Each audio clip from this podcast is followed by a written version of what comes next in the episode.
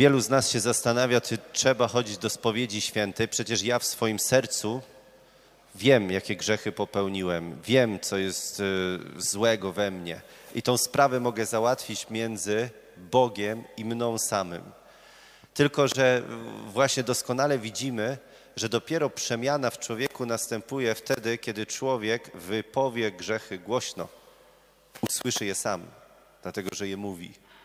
I wszystkie szkolenia, które są o jakimś autorozwoju i tym, co e, człowieka właśnie prowadzi do jakiegoś sukcesu, zawsze mówi o tym, że spróbuj wypowiedzieć na głos właśnie swoje wady albo swoje zalety, po to, żebyś usłyszał.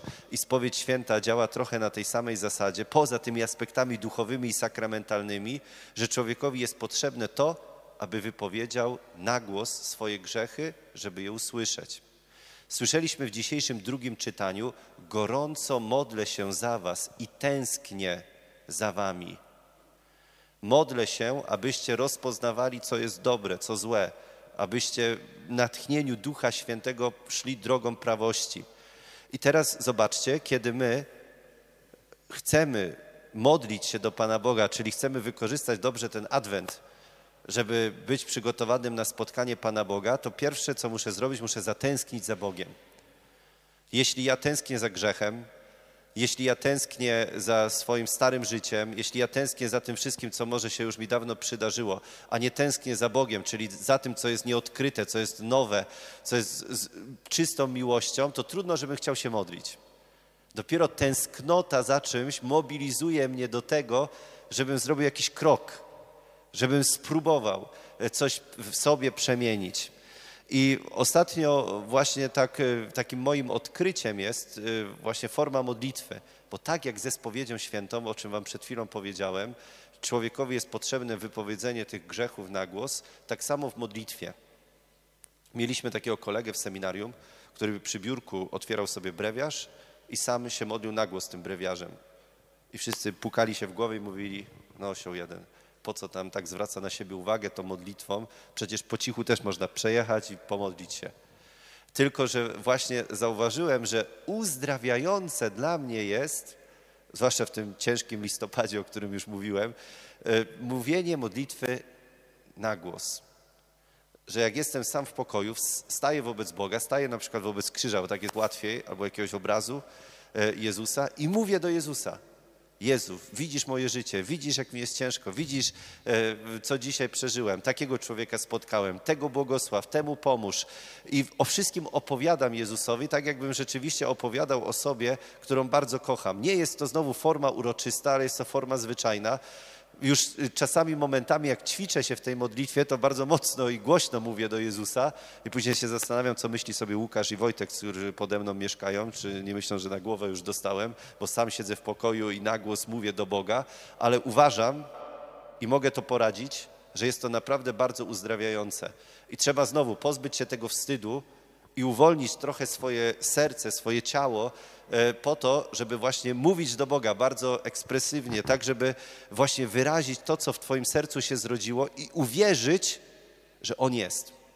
Że to nie jest tylko jakieś tam rozmyślanie nad sobą, że to nie jest jakiś taki rachunek sumienia, gdzie ja się rozliczam z moich grzechów i z tego, co jest złego i dobrego, ale ja realnie wiem, że On istnieje, że On żyje, że On jest życiem i zmartwychwstaniem, że mogę popatrzeć głęboko Mu w oczy, że widzę Jego twarz i mówię do Niego o wszystkim tym, co jest w moim sercu.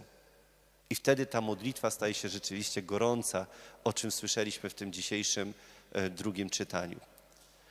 I wówczas kiedy człowiek tak zaczyna się modlić i zaczyna mocno wierzyć, że Bóg jest obecny i zaczyna za nim tęsknić, to wierzymy również w to, że Bóg zacznie do ciebie mówić, czyli dostaniesz słowo od Niego. I wchodzimy w historię dzisiejszej Ewangelii, kiedy Jan otrzymuje słowo od Boga. I jak otrzymał to słowo, to nie chciał go zatrzymać dla siebie samego, ale właśnie to słowo tak bardzo go przekonało o tym, że Bóg go kocha, że Bóg go wybiera, że nie jest on Bogu obojętny. Wyrwał go Bóg ze wstydu i samotności. Wyrwał go z myśli, które go pogrążały, niszczyły może i sprawiały, że nie czuł swojej wartości. Wychodzi głos wołającego na pustyni. Absurd. Po co wołać na pustyni? jak cię nikt nie słyszy i nikogo tam nie ma. A jednak, a jednak Ewangelia nam dzisiaj o tym mówi. Głos wołającego na pustyni. I ty możesz czasami rzeczywiście czuć się tak, że to, co mówisz i to, co czujesz w swoim sercu, jest zupełnie niesłyszane ani przez ciebie, bo ty doskonale wiesz, mówisz do siebie, ale zupełnie to nie trafia do ciebie i nie przemienia to twojego życia, ale również twoje wołanie nie trafia do ludzi, którzy są dookoła ciebie. Czyli wydaje ci się, że wychodzisz na głupiego. Po co wołasz, jak nikt nie słucha? Po co wołasz, jeśli nikt nie chce tego słuchać? Ale jednak Jan staje się dzisiaj dla nas inspiracją.